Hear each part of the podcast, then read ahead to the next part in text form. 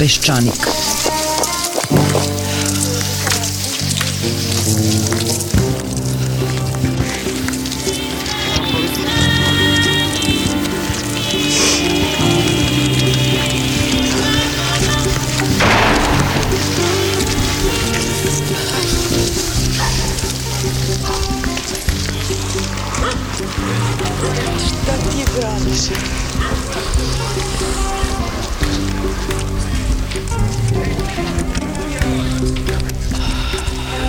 Peščanik.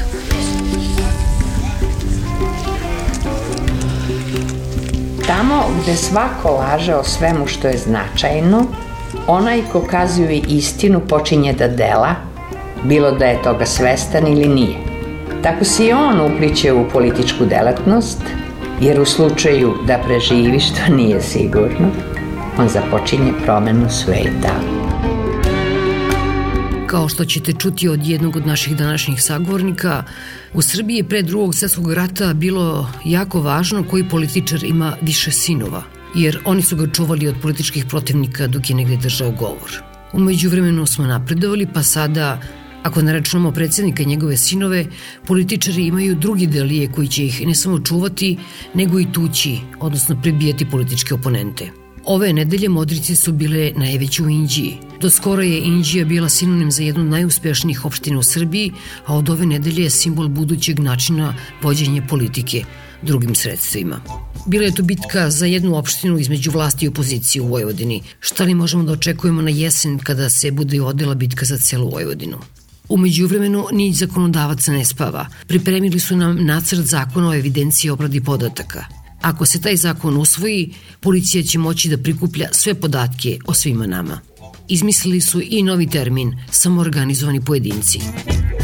Ovaj nacrt zakona na kojim bi im pozavideo i Putin i Erdogan i kineski premijer bio je povod za razgovor sa Sašom Gajinom iz Centra za unapređenje pravnih studija i dramskom književnicom Biljanom Srbljanović. I u tom članu 28 zakona koji govori o prikupljanju podataka za potrebe policije, odnosno Ministarstva unutrašnjih poslova, a kasnije i za potrebe ostalih organa, kaže se da će policija imati ovlašćenje da prikuplja sve podatke koji se odnose na sve pojedince, dakle fizička lica, građane i organizacije bez obzira da li su oni registrovani kao pravna lica ili su neke neformalne grupe. Dakle, mi dolazimo danas u 21. veku do jedne ideje koja je sama po sebi ne samo alarmantna, nego je nešto što je karakterisalo ranije neke periode društvenog ili državnog uređenja, a to je da policija može da prikuplja sve podatke o svima. E sad, to kad se kaže tako samo po sebi zvuči vrlo ozbiljno i ja se nadam da ćemo mi uspeti da izađemo na kraj sa tom formulacijom, da ćemo sledeće nedelje, dok još traje javna rasprava, uspeti da promenimo te zakonske formulacije.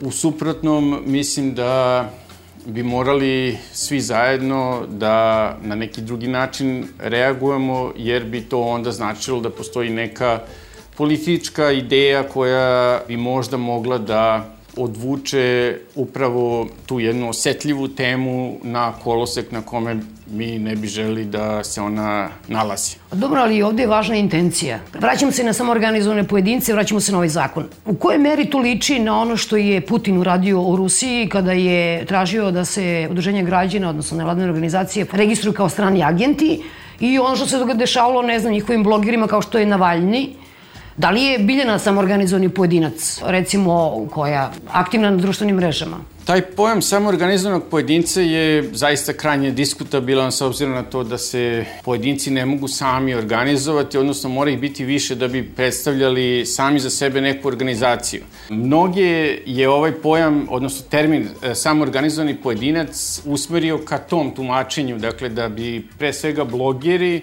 mogli biti na udaru takve jedne odredbe, ali ja mislim da bi taj pojam mogao da se veže za svaki oblik nekog građanskog aktivizma, bez obzira na to da li se radi o onima koji koriste internet ili se radi o onima koji čiste zajedničko dvorište ili brinu o tome da li će, ne znam, saobraćeni znaci biti uredni ili stajališta autobusa. Dakle, svi oni koji imaju neku ideju o tome kako bi trebalo bolje organizovati život u zajednici bi po toj intenciji, jel, kako si ti rekla, bi mogli da se smatraju samo organizovanim pojedincima ali i više od toga. Dakle, nisu samo nevladine organizacije te koje su na tapetu, da tako kažem, ove odredbe, niti samo organizove pojedinci. Ono što je mnogo opasnije jeste da su adresati te norme bukvalno svi pojedinci koji žive u ovoj državi, odnosno sve organizacije, pravna lica, dakle nema nikoga ko je izuzet iz domašaja te odredbe i takođe nema nikoga ko bi mogao neke podatke o sebi da uskrati policiji koja koristi ovlašćenja koja su joj data baš tom odredbom. E sad, kontekst u kome se sve to dešava, meni je prva asocijacija zapravo kad sam to videla, setila sam se, nema tome mesec dana, kako je predsednik države i to u razgovoru sa visokom predstavnicom Evropske komisije rekao da su mediji koji neobjektivno pišu i nevladine organizacije nešto što ruši državu, citat, Aleksandar Vučić je probao da ublaži, pa rekao, ne, ne, nije rekao to što je rekao, nego je mislio da a, ruše vladu, Ali je onda objavio ono pismo njima, ili već kako se zove, gde je osim pojanja o, i, i basni raznih, zapravo govorio o paranoičnim pojedincima, o mazohistima, o ljudima koji žele sve najgore jel da, budućnosti Srbije. I da ne pominjem sada Aleksandra Vulina, koji je jedan od omiljenih sada ministara premijera Vučića i njegov rad sa civilnim organizacijama, prosto pominjem onaj konkurs koji je oboren, pa je on rekao mi ćemo sada da ispitamo šta ste vi radili prethodnih deset godina. Dakle, meni ovo što sada dolazi, o čemu smo sad govorili, ja ne mogu da gledam to mimo ovog, mimo ovog konteksta. Meni tu zbunjuje nekoliko stvari, na nekoliko nivoa. Jedno je naravno ovo što znači to uh, organizacije i samo organizovani pojedinci. Ja se smatram samo organizovanom pojedinkom u bilo čemu što radim, zbog toga što sam na neki način slobodna umetnica, nisam članica nikakve partije, niti bilo kakve organizacije, znači sve što radim, radim samo organizovano po definiciji. Mislim da je to tačno to što si ti rekao, da to zapravo je jedna formulacija koja nije uopšte trapava, nego ona pokriva zapravo sve, i fizička i pravna lica. Svako može to biti. Međutim, čini mi se, e, sudeći po izjavama vlasti i predsedničke i premijerske, čini mi se da je ova vlast na neki način opsadnuta društvenim mrežama i aktivnostima na internetu. Prosto mi nešto govori da je čitav ovaj zakon praktično skrojen da bi napravilo se nekakva vrsta i opravdanja koje, mislim, do sada im nije ni bilo potrebno da skupljaju informacije o ljudima koji su aktivni na tom takozvanom internetu. S druge strane, ono što mene zabrinjava je što mi nije jasno iz predloga zakona na koji način se mogu koristiti te informacije. Jer jedno je prikupljanje informacija i ako ti nije potreban nikakav zakonski okvir da ti to posle koristiš na nekom eventualnom procesu protiv samoorganizovanog pojedinca ili, ili grupe, onda to liči zaista na metode Štazija ili na metode Putina. Ali sa druge strane, ne treba zanemariti to da oni mogu da imaju nekakav koji meni za sada nije jasan, ali nekakav veštački nateknuti pravni okvir kojim oni mogu da se koriste kao Amerika i da mi sad ovde kao veliki poštovalci Snowdena i ne znam Assangea, s druge strane ne razumevamo da je to potpuno ista stvar protiv koje su se ti ljudi na neki način i podigli. Ono što smo naučili iz Snowdenovih uh, beleški, njegovog aktivizma, u krajem slučaju iz poslednjeg ovog filma Citizen 4, je da ono što je veoma bitno u prikupljanju podataka nisu samo konkretni podaci, nego ti meta podaci Znači, nije samo da neko sad uzme bukvalno prisluškuje tebe i mene, mene kako razgovaramo. To znači da taj koji odlučuje da nas nadzire, a samim tim i verovatno kažnjava, dovoljno je da ima informaciju o tome koliko često mi razgovaramo, u koje doba dana. Jedno je kad razgovaramo, na primjer, ti i ja. A drugo je ako uzmemo, na primjer, osobu koja je udata i koja noću razmenjuje SMS-ove sa nekim drugim čovekom koji nije član njene porodice taj koji nadzire može da se zaštiti, da kaže ne, ja ne ulazim u sadržaj toga. Ali sama činjenica da raspolaže tim podacima može da kompromituje živote ljudi. I e, ljudi samim tim ulaze u neku vrstu autocenzure, jer ja zaista ne znam da li postoji jedan građanin koji po nekim strogim uzusima patriarhalnih moralnih normi može da kaže ja nemam ništa što ne želim da se sazna. Ali s druge strane, da li to nas primorava da se pridržavamo nekakvih patriarhalnih građanskih normi u kojima nećemo imati ili u tom nekih protestantskih normi o kojima govori premijer vrlo često, potpuno fasciniran protestantskim moralom. Ja sam živela 11 godina u protestantskoj porodici i moram da kažem da je to nešto dosta zastrašujuće, barem u tom smislu. Znači, ne sakrivajte ništa, Znači ti možeš da daš onda novinama, jer mi svi znamo da policija i tekako sarađuje sa određenim grupama tabloida, ti možeš određenim tabloidima da daš samo informaciju, te neke meta podatke o tome da određena osoba e, komunicira noću sa osobom koja nije e, njegova žena. I da time ne implicira dalje ništa, nego da samo prepusti toj svetini da dalje zaključuje. I ti si završio time svoj posao. Mi svi znamo da ovde ljudi koji su na bilo koji način postoji sumna na njih da su uključeni u neku vrstu organizovanog kriminala, oni sigurno nisu tema ovoga i meta ovoga zakona. Nego je meta ovog zakona svaki onaj koji će da sede na napravi neki YouTube šaljivi video da zna da, da će ga naći sigurno i da će mu naći najmanju onu tajnu koju je mislio da je sakrio obično od tate i mame. Su to ljudi koji zapravo ni nemaju neke veće tajne od toga, ali samim tim oni su primorani na autocenzuru i mislim da je to u tom smeru smeru obračun pre svega sa ljudima na internet zajednici. Malo pre kad sam rekla, to su te teške reči stvarno koje je predsednik Nikolić uputio na račun na organizacija civilnog društva, da su vladanih organizacija. Kako ti to razumeš? Pravo da ti kažem, uopšte ne razumem o čemu čovjek priča. Znam da je to rekao i znam da postoji neka vrsta neraspoloženja ili animoziteta koji se gaji prema nevladinim organizacijama i medijima. Pretpostavljam da se u tim krugovima koji gaje tu vrstu animoziteta ne svata da je upravo civilno društvo, uključujući i medije, uključujući profesionalno udruženje, uključujući sindikate, dakle da je, da je to taj milje u kome se razvija demokratija, odnosno taj neki savremeni poredak u kome svaki čovek može da nađe neko svoje mesto i zaista teško možemo da zamislimo savremeno demokratsko društvo bez civilnog društva, bez medija, bez tih takozvanih samorganizovanih pojedinaca. Dakle, ustati protiv tih vrednosti je nešto što ja zaista ne razumem. Dakle, u 21. veku, u srede Evrope, predsednik države koji kaže da su mediji i nevladine organizacije glavne poluge za rušenje države koja je usmerena na izgradnju modernog društva zasnovanog na redu i vladavini prava, to je jedna konstatacija koju ja zaista ne mogu da razumem. Vrlo često se ovo vreme poredi sa vremenom 90-ih, pa se govori, ne znam, stalno da li gore bilo kod Miloševićem ili ne. Ja sad nešto se lično za svoj posao bavim 80-ima. I meni to mnogo više liči na to vreme i to neke rane 80. kada ipak curi na neki način kroz pukotine tog e, totalitarnog režima koji se raspada. Postoje neke slobode koje su, nažalost, okrenule u neku nacionalističke struje, ali to je druga stvar. Ali one prosto proviruju i ne mogu tek tako da se zaustave, a s druge strane postoji jedna opresivna mašinerija koja svakog trenutka može da se pokrene, ona se ne pokreće često, ali je dovoljno da znamo da postoji jedan slučaj, ne znam, Šešeljeve osuđivanja 84. ili ne znam, 81. Gojka Đoga za zbirku pesama, taj jedan slučaj je dovoljan da bude prevencija za gomile, gomile drugih slučajeva. I oni su obično vrlo nebitni. Vi kad pogledate i te zbirke pesama ili taj slučaj Šešelj 84. na osnovu čega su ti ljudi zapravo napravili čitav svoj životni opus. To je potpuno nebitno, to su neki, neke paškvile. Ali su bile dovoljno važne i dovoljno baš takve, nebitne i široke da mogu da pokriju kao preventiva jednu veliku grupaciju ljudi koji može na neki način da se prepozna u tome i da kaže aha, ako se desilo ovo za ovakvu besmislicu, šta tek me, može da se desi za neku ozbiljniju stvar.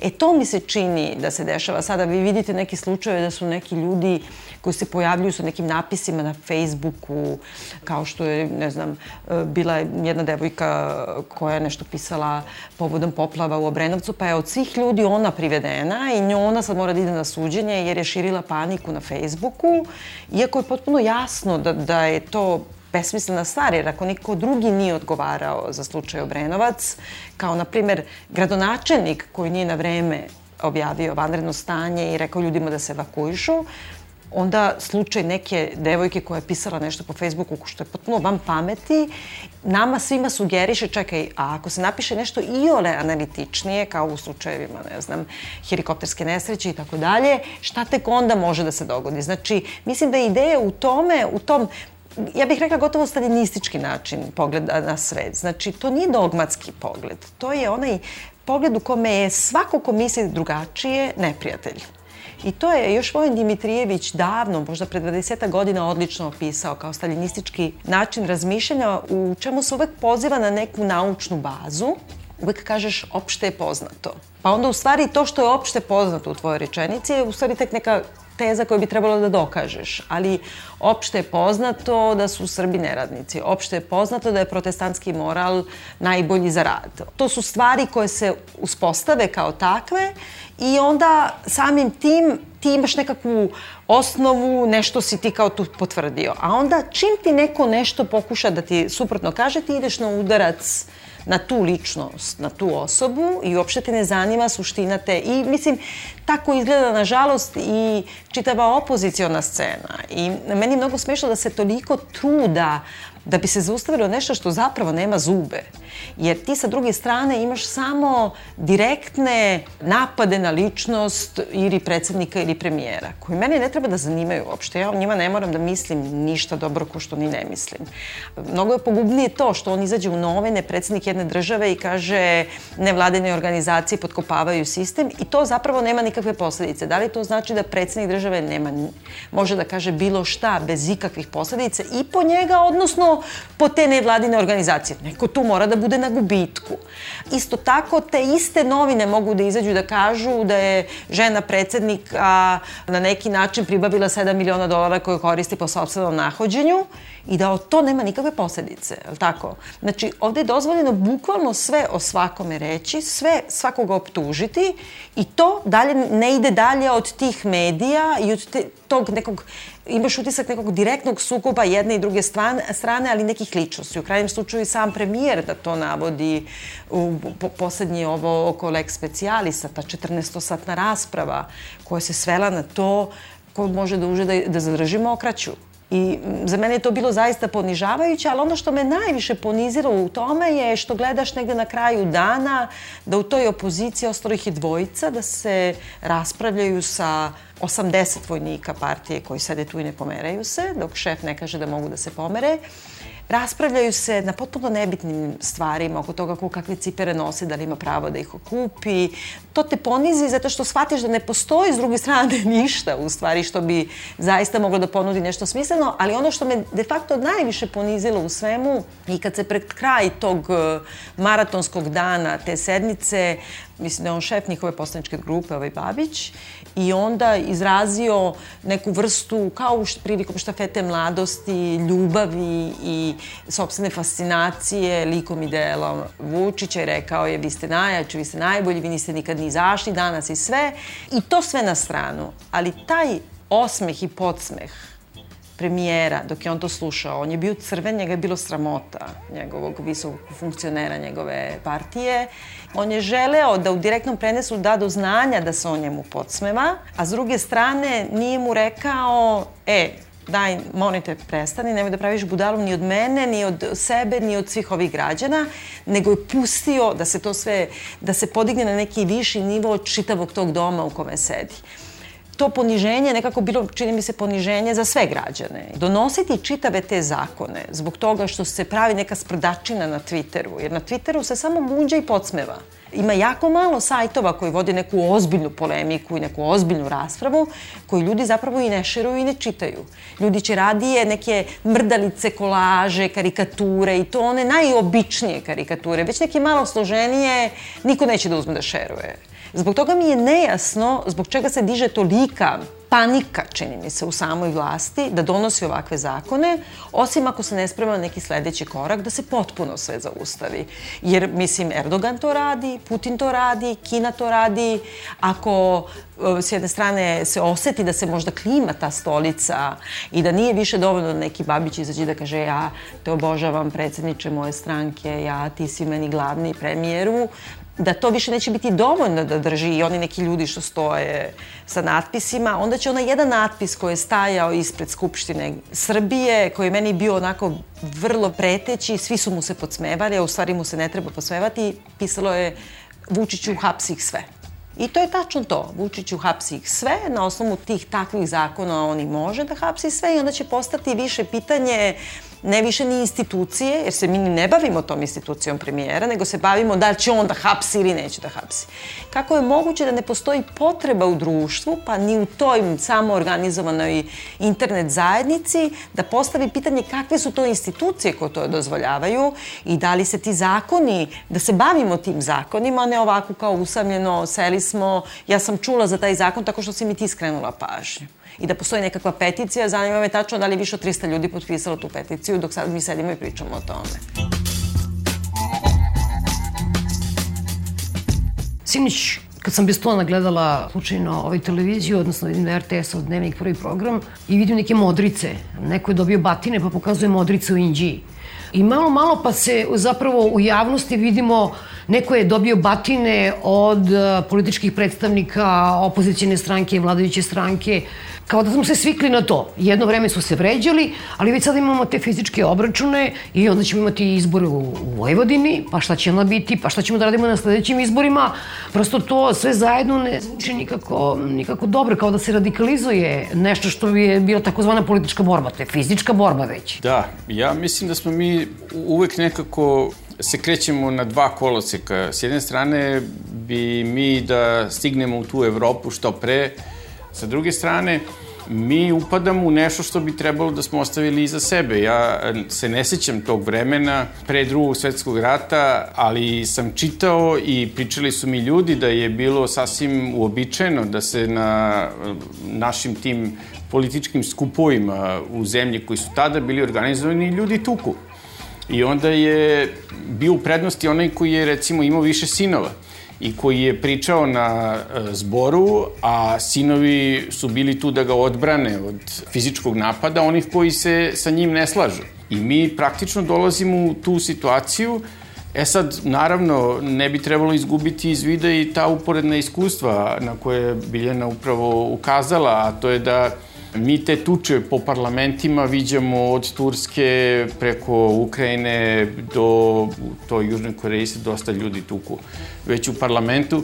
Dakle, ima, ima takvog ponašanja i na drugoj strani. Ono što bi trebalo da nas zabrine jeste mogućnost da te tučnjave i nema. To je, dakle, ona situacija kada mi dolazimo do toga da jedan gospodari i da taj jedan ne dozvoljava tučnjavu zato što je on najjači nekako se nalazimo uvek u toj situaciji da ne znamo kuda ćemo. Ja? Da li ćemo da se tučemo između sebe ili ćemo da se poštujemo odnosno da to dostojanstvo ličnosti koje bi svako trebao da, da neguje, između sebe podržavamo i da se na, na tu kategoriju oslanjamo.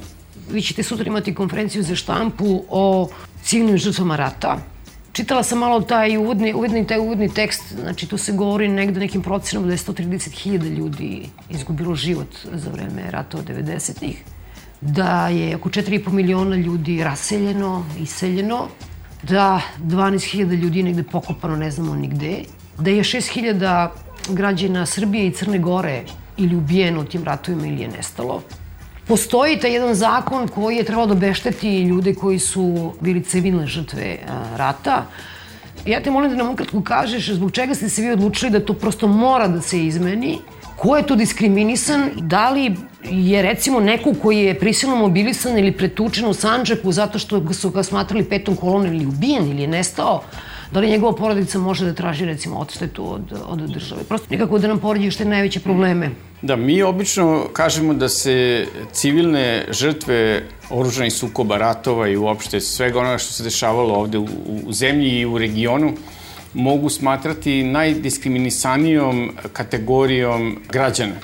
Taj zakonski okvir koji bi trebalo da obezbedi poštovanje i zaštitu njihovih prava je e, tako e, skrojen da on praktično izvan svog domašaja, dakle izvan domašaja tih zakonskih odredbi ostavlja preko 90% onih koji jesu žrtve oružanih sukoba, odnosno rata. Ti si pomenula oni koji su preživeli torturu, nasilje ili recimo e, silovanje i druge dakle, akte seksualnog nasilja. Nisu uključeni u, u, u krug lica koji uživaju prava po zakonu koji sada postoji.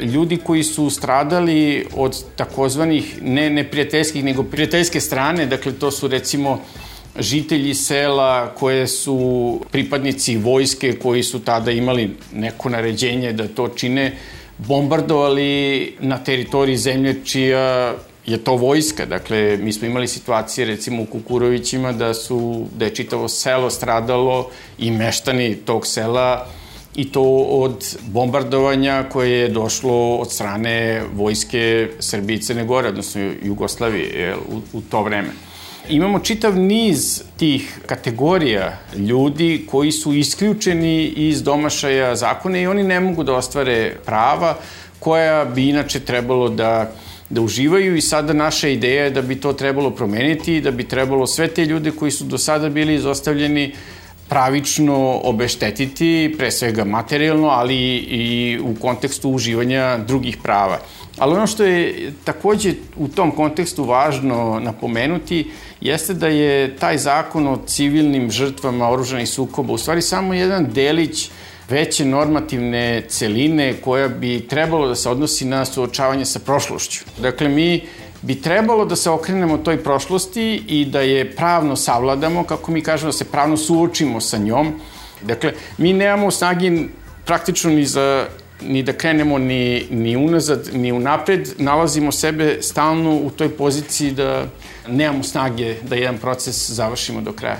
Ja mislim da se to može rešiti samo velikim gestom, nekim krupnim, važnim, institucionalnim promenama, tektonskim i ja dosta dugo već e, zagovaram tu potpuno nepopularnu ideju, ali mislim da je jedina ispravna. Pogotovo u svetlu proteklog meseca marta koji je bio potpuno u toj senci neka vrsta obeležavanja, komemoracije i to ne na pravi način bombardovanja Srbije, odnosno Beograda. Ja mislim da vojsku treba ukinuti. Izračunati tačno e, za koji novac može da se proda imovina, da se isplate otpremnine, da se napravi odličan socijalni program i da se ostatak uloži u održivi razvoj. I da jednostavno završimo sa tom pričom. Mislim, jedini način suočenja sa prošlošću je ne samo u konferencijama ili na rečima ili čak i pobrojavanjem tih ljudi, nego isplaćivanje neke, neke nadoknade za određenu vrstu pretrpljene i materijalne i nematerijalne štete svim tim ljudima kojima se na neki način zameo trag čak i u tim nekim zvaničnim statistikama. Mi do dan danas ne znamo zvaničan broj nastradalih, pa i u tom bombardovanju i to sa čije strane. Mi do dan danas ne možemo da prođemo Kneza Miloša ulicom, govorimo o gradnji, ajde Beograda na vodi, nego kupovini novih helikoptera, e, imamo vojnu paradu, imamo akumulatore za migove, nismo u stanju da raščistimo generalštab razrušeni tamo. Mislim, e, za mene je to sigurni pokazatelj stanja te institucije, to je ta vojska. Šta će nam vojska? Mi nismo u stanju da imamo, mi ne možemo da izdržavamo, ona nam nije potrebna osim ako ne planiramo nekakve ratove, a čak i ako ih planiramo sa tom vojskom kako je imamo, mi ne možemo ništa da uradimo.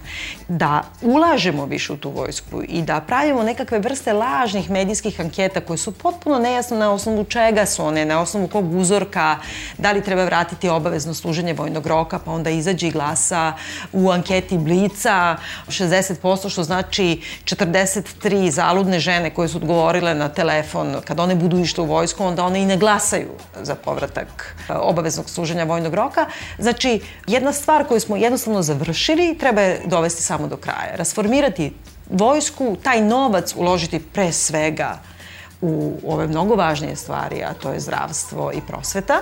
Ne postoje nikakvi resursi iz kojih to može da se zakrapi. Potpuno je nenormalno očekivati da profesori rade za 30.000 dinara I zbog toga škole izgledaju kako izgledaju i zbog toga čitavo društvo izgleda kako izgleda. Znači, ne postoji ta vojska, taj helikopter i taj akumulator na migu koji može da zapuši rupe u neznanju i neobrazovanju dece koji nemaju, evo, jedno celo polugodište nisu imali nastavu.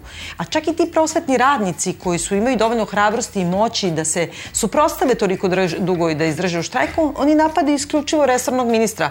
Kao da je to jedini ministar koji stvarno nešto odlučuje. To će biti izgleda taj Vrebić Znači, ni ti prosvetni radnici, ti sindikati nemaju hrabrosti i snage da udare tamo gde je moć zaista, nego rade neku vrstu fame, a u stvari žrtvuju jednu čitavu generaciju. A mi se bavimo time, jasno nam je potpuno da postoji jedna zloupotreba vojske, u krajnjem slučaju i u ovoj poslednjoj helikopterskoj tragediji je to očigledno svima jasno, a onda s druge strane imate premijera koji izađe i da intervju upravo na televiziji gde traje taj neki pornografski program i gde sad taj RRA i čitava javnost se digla protiv toga da treba ugasiti pornografski program. Parovi, a onda čoveku koji je napravio taj program i koji ga vodi Milomiru Mariću, koji sedi u tom istom programu, najmoćniji čovek u zemlji između dva programa Parova da veliki intervju, gde dođe i kaže šta ima uopšte vojska da se pravda e, građanima kad se desi ovo ili ono, onda je naveo nekoliko primjera, ne znam, na pasuljarskim tim livadama, da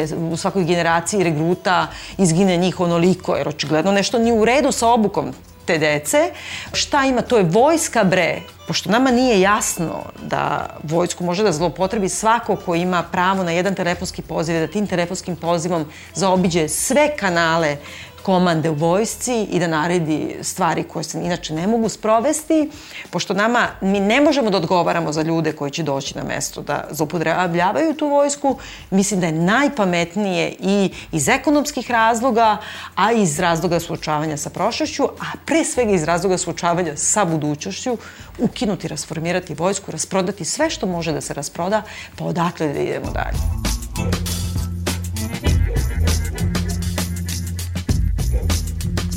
Ja se sećam vremena kada je u ovoj zemlji prevladavala kultura tajnosti rada pre svega državnih organa, ali i drugih organa javne vlasti. Dakle, to je bilo vreme kada ste na zahtev za nekom informacijom dobili odgovor šta se to tebe tiče. Kada smo radili na zakonu o slobodnom pristupu informacijama, da je bilo jako teško uveriti pre svega pravnike, stručne službe u vladi, iako je tada vlada bila vrlo zagrejana za tu ideju da se usvoji zakon, ali te stručne službe je bilo teško uveriti u ideju da je građanin taj koji bi trebalo da ima pravo da pita organ javne vlasti, državu.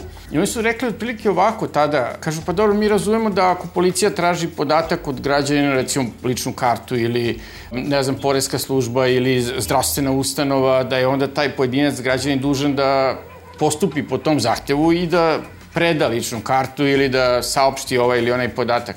Ali vi sad, kaže, nama tvrdite da je i suprotno moguće, da građanin traži od države, odnosno organe javne vlasti, podatak, a da je onda ta država dužna da po tom zahtevu postupi.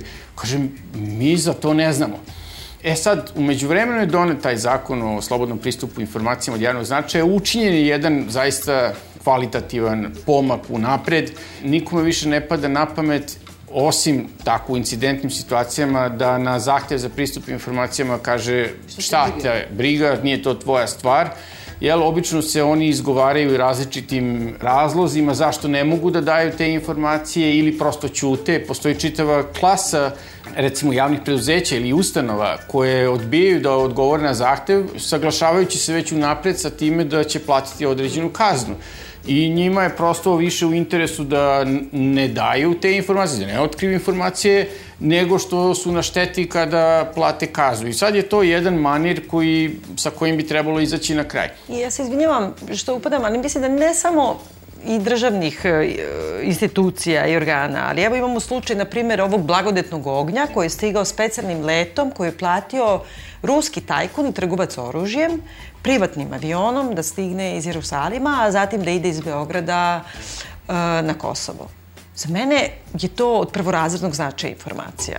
Pre svega, ko je od uh, institucija ispred države znao i učestvovao u odlučivanju koji će avion i ko će da finansira to, šta je dobio za uzvrat, taj ruski tajkun, na koji način se došlo do njega, zbog čega je to išlo privatnim letom. Ja bih postavila pitanje e, i da je to išlo državnim nekim avionom, takođe bih postavila to pitanje, ali bi mi bilo razumnije, jer bi na kraju krajeva rekla, pa dobro, ovde će svi da me pojedu i većina će se izjasniti pa da je to blagodetni oganj koji dolazi, mislim, by the way, smo prvi put čuli, je tako, ove godine, zato smo počeli da pričamo uopšte ikad o tome. Ali to je jedno od pitanja koje treba da bude goruće pitanje prošle nedelje, na primjer u medijima, to je postavilo dvoje ljudi. Kad kreneš od toga da ne može da saznaš ni takvu vrstu informacije, da ne postoji ni konsenzus kod publike da kaže, pa čekaj, zanima me ovo. To je isto u tom nekom tekstu Vojna Dimitrijevića koje sam čitala nedavno o tom staljinističkom prototipu. On govori najgori su tužni staljinisti, a oni su oni koji nemaju moć nego su publika.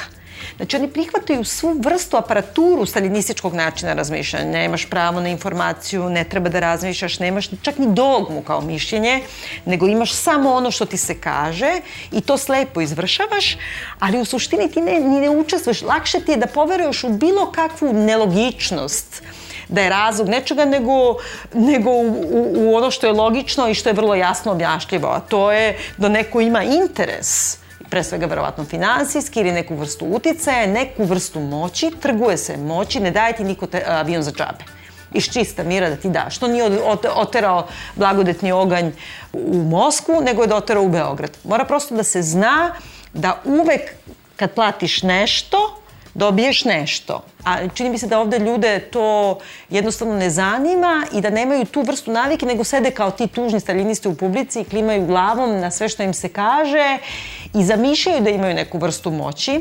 Onda se obično deli sa nacionom ili se čak e, personifikuju u tom jednom čoveku, pa on sad ima moć, on će sve da ih pohapsi, on će da odluči, da je on postavio pitanje, on bi dobio odgovor na pitanje, a šta mi imamo da se pitamo i to je ono što je pogubno. Zato ja uopšte nisam sklona da se bavim uopšte kritikom vla, vlasti, niti pojedincima na toj vlasti. Mene mnogo više zanima šta je to u srozavanju demokratske svesti građanstva, i u neodgovornosti samih građana koji ne razumeju šta treba da traža i da im postoji zakonski okviri kojim su im dopušteni, a koji oni ne koriste.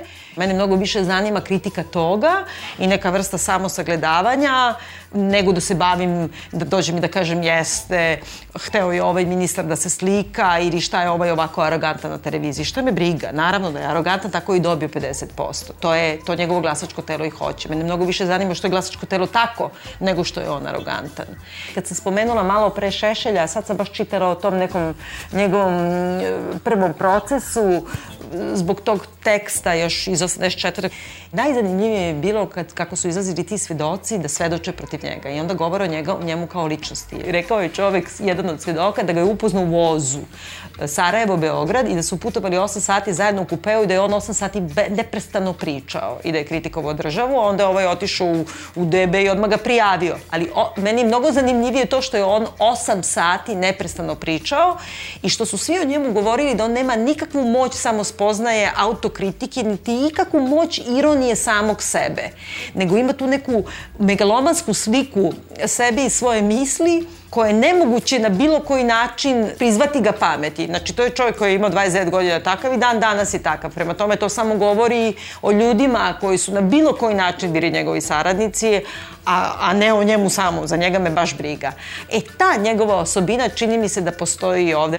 I nije mi jasno kako je moguće da to ne postoji u demokratskoj svesti građanstva, da kaže čekaj, ovo mi je bio izbor, ali mi se čini da sada treba da malo porazmislim da li je sve u redu u tome, da li ja lepo, zdravo, zagotovo, ili postoji neka dalja moja odgovornost, neka moja uloga i funkcija koja moram da se bavim recimo 7-8 godina čeka jedan zakon, pa se čeka drugi, a tek implementacija, a tek ko će da finansira, jer to naravno košta. Ali kao da svi imamo tu svest, ili ma, makar nam se tako indukuje da umeđu vreme stoji i život stoji. Nekako mi se čini da smo posle mnogo vremena ponovo došli u tu situaciju da smo u nekoj, uh, u mnogim stvarima naravno u, u, u skladu sa vremenom u kome živimo, imamo te mane koje imaju mnogi ove druge zemlje, ali da ne znamo ni u, da se orijentišemo ni u prostoru, ni u vremenu. Ja se izvinjam, da. to je to tačno pseći mod. Znaš, pas ima mogućnost da 15 minuta Znači, za njega ne postoji prošlost i budućnost. On živi u ovom trenutku i 15 minuta šta se desilo četvrt sata pre toga i to je to. I ti jednostavno, da li čekaš da ti se gazda vrati pet minuta ili četiri godine ili nikad iz groba, pas ne zna razliku, mogu bi da čeka dok ne umre. I to je ono što mi gledamo, jo, divni psi, kako su oni verni. Ne, oni samo imaju, e, nemaju mogućnost shvatanja vremena. Mi kao da živimo u tom nekom psećem modu, mislimo da nam godina, a godine nam stvarno idu kao pseće, a to je za jedno ostarimo sedam. Meni se čini da je ta izgubljenost u vremenu i prostoru nešto što je stvarno karakteristično za nas, da mi ne možemo prosto da se odredimo kuda ćemo i zbog čega idemo tu gde bi eventualno želeli da idemo, a možda i, i ne želimo da idemo. Ja? Mi smo tako stalno zaglavljeni u neke svoje loše pozicije, recimo jedna od tih loših pozicija koju stalno krivimo za našu sudbinu je pozicija da, a, između onih koji su između istoka i zapada. Bili smo skoro u Stokholmu I tamo smo u City Hallu, dakle to je gradska kuća, bili upoznati sa jednim zidom na kome su umetnički jel, obrađene teme iz istorije Švedske. Dakle, cela istorija Švedske je stala na taj jedan zid i onda ono što je zaista meni bilo fascinantno jeste to da su oni sebe videli i to naslikali na zidu, kao državu, odnosno društvo koje se nalazi tačno na sredini između istoka i zapada. I onda su sa desne strane naslikali istok sa simbolima istoka i, i dalekog istoka i srednjeg istoka i Rusije i Turske, a sa druge strane su naslikali Eiffelovu kulu i ne znam, kip slobode i takve neke simbole koji su vezani za zapadnu civilizaciju. Dakle, e, šta je e, sada poenta? Pa poenta je u tome da svako sebe može da nađe između nečega, istoka i zapada, između levog i desnog, između, jel? Problem je u tome što mi sebe nismo gurnuli u nekom pravcu. Dakle, jeste, nalazimo se negde na nekoj raskrsnici, ali gde ćemo krenuti i gde bi trebalo da idemo, mi o tome baš ne znamo puno. Evo ovaj sada blagodatni oganj koji je došao je zaista bio fantastična prilika da se mi uverimo u to kako se kod nas politički vrh zemlje i društvo koje ide zajedno sa tim političkim vrhom zemlje orijentiše. Dakle, mi, kao i svako društvo, pretpostavljam, imamo potrebu da gajimo neke elementarne vrednosti, da se obučemo u, neke standarde i do pre 20 godina to su bili neki standardi besklasnog društva, nekog komunizma, ne, neke vere u tu neku budućnost jednakih ljudi, da bismo onda prešli u jedan e, drugačiji sistem uverenja i predstava koji podrazumeva te ekskluzivne principe ovaj, nacionalne države. U toj sada priči o, o toj većinskoj Srbiji, većinskom narodu koji je za, zaogrnut tim nekim vrednostima, nama sada za vikend dolazi taj blagodetni oganj. Jel? Dakle, tu je predsednik Republike zajedno sa najvišim prvosveštenikom Srpske pravoslavne crkve činodejstvovao, a to što su oni dočekivali, i to je ono što je sad meni najinteresantnije, nije bio pojedinac, nije bilo neko, neka personifikacija tog višeg autoriteta, to je bio čist metafizički princip, to je bila vatra. Dakle, mi smo sada u to, tom legitimisanju vlasti došli do toga da se legitimišemo jednim metafizičkim principom koji sada je naravno formulisan kao metafizički princip 30 vekova unazad, je, još u staroj Grčkoj, a to je oganj, to je vatra. I mi smo eto imali prilike da vidimo kako u savršenom jedinstvu crkvenog i državnog vrha se obožava princip koji nema apsolutno nikakve veze sa racionalnim, nema nikakve veze sa ovozemaljskim rezonima, interesima, stremljenjima, putem kojim čovjek može da ide. Dakle, Dobili smo nešto što ja nisam imao prilike da vidim ranije. Dobili smo čistu vatru kao princip koji bi trebalo da obožavam. Ja bi se da to zvuči čak i pesničkije, nego što je se zvuči vrlo lepo, kad bi stvarno imali jedinstvo oko nekog metafizičkog principa. Ja bih rekla da je to jedinstvo oko šibicarskog principa, zbog toga što je opšta poznata tajna da je paljenje večnog ognja zapravo trik I zato i postoji pretresanje sveštenika koji ulaze, da se vidi da li imaju upaljače ili da li imaju šibice, pa onda na kraju kažu da postoji u stvari negde da držiš na prstima beli fosfor koji se pali sam od sebe. To je čisto šibicarenje, kako drugčije se upali sama vatra oko sebe. Tako da, mnogo bih volela da je to jedinstvo oko metafizičkog principa, ali ja bih rekla da je to samo oko one dela optica, evo je ovde, nije, nije ni ovde. Bio je ovo još jedan peščanik, govorili su Saša Gajin i Biljana Srbljanović. Pozdravljaju vas Svetlana Vuković i Svetlana Lukić. Peščanik